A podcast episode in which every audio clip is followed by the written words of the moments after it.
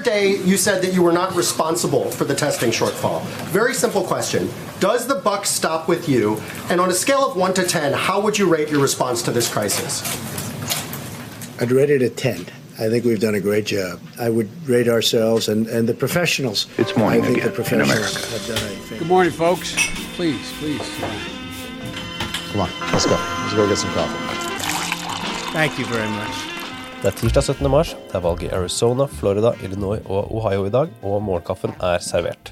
Vi har også en helt ny episode av 2020 ute, som du må høre. Den heter Joe, Bernie og koronaviruset. Valgdag. Kall det gjerne Supertirsdag 3. Arizona, Illinois, Florida og Ohio. Og totalt så skal det da, etter planen, deles ut 577 delegater, der den største premien er Florida, med 219 delegater. Kort forklart ligger Biden an til å ha sin tredje tirsdag på rad med gode valgresultater. Sanders på sin side tapte alle de nevnte statene i 2016. Ifølge prognosene til 538 så ligger Biden an til å ta med seg rundt 200 flere delegater enn Bernie i dag, og da skaffe seg en økende ledelse totalt. Samme nettsted anslår at det er mer enn 99% sannsynlighet for at Biden får mer enn halvparten av delegatene på demokratenes landsmøte, og det trengs da 1991 delegater for å vinne nominasjonen. I Ohio så har guvernør Mike Devine erklært at det ikke vil foregå fysisk stemming i valglokalene, som følge av CDCs retningslinjer mot å ha mer enn 50 personer samlet grunnet smittefaren av covid-19.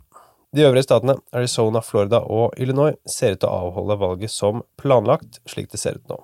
Mandag ettermiddag kunngjorde president Trump nye retningslinjer for å kontrollere spredningen av koronaviruset. Seeing new guidelines for every American to follow over the next 15 days. My administration is recommending that all Americans, including the young and healthy, work to engage in schooling from home when possible, avoid gathering in groups of more than 10 people, avoid discretionary travel, and avoid eating and drinking at bars, restaurants, and public food courts. Do you have any kind of estimate that if, if Americans really were to band together Right. and do what the White House is suggesting, how quickly you could turn this corner? People are talking about July, August, something like that. So it could be right in that period of time where it, I say wash, it washes through. Other people don't like that term. Koronautbruddet fører til stor usikkerhet i den amerikanske økonomien, og dermed røde tall på de amerikanske børsene.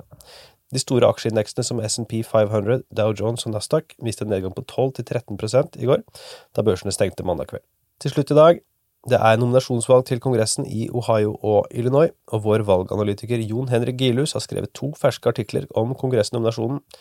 Så gå på amerikanskpolitikk.no for å lese mer om det, og i løpet av dagen så publiserer vi også tips til hva du kan se på TV når du er på hjemmekontor. Stikkordet og den røde tråden er jo da amerikansk politikk i TV-serier og filmer. Dagens utgave av Målkaffen er servert av Ingrid Sofie Stangenby Wendsel og undertegnede Are Togoflaten. Du abonnerer ved å gå til ampol.no kaffen.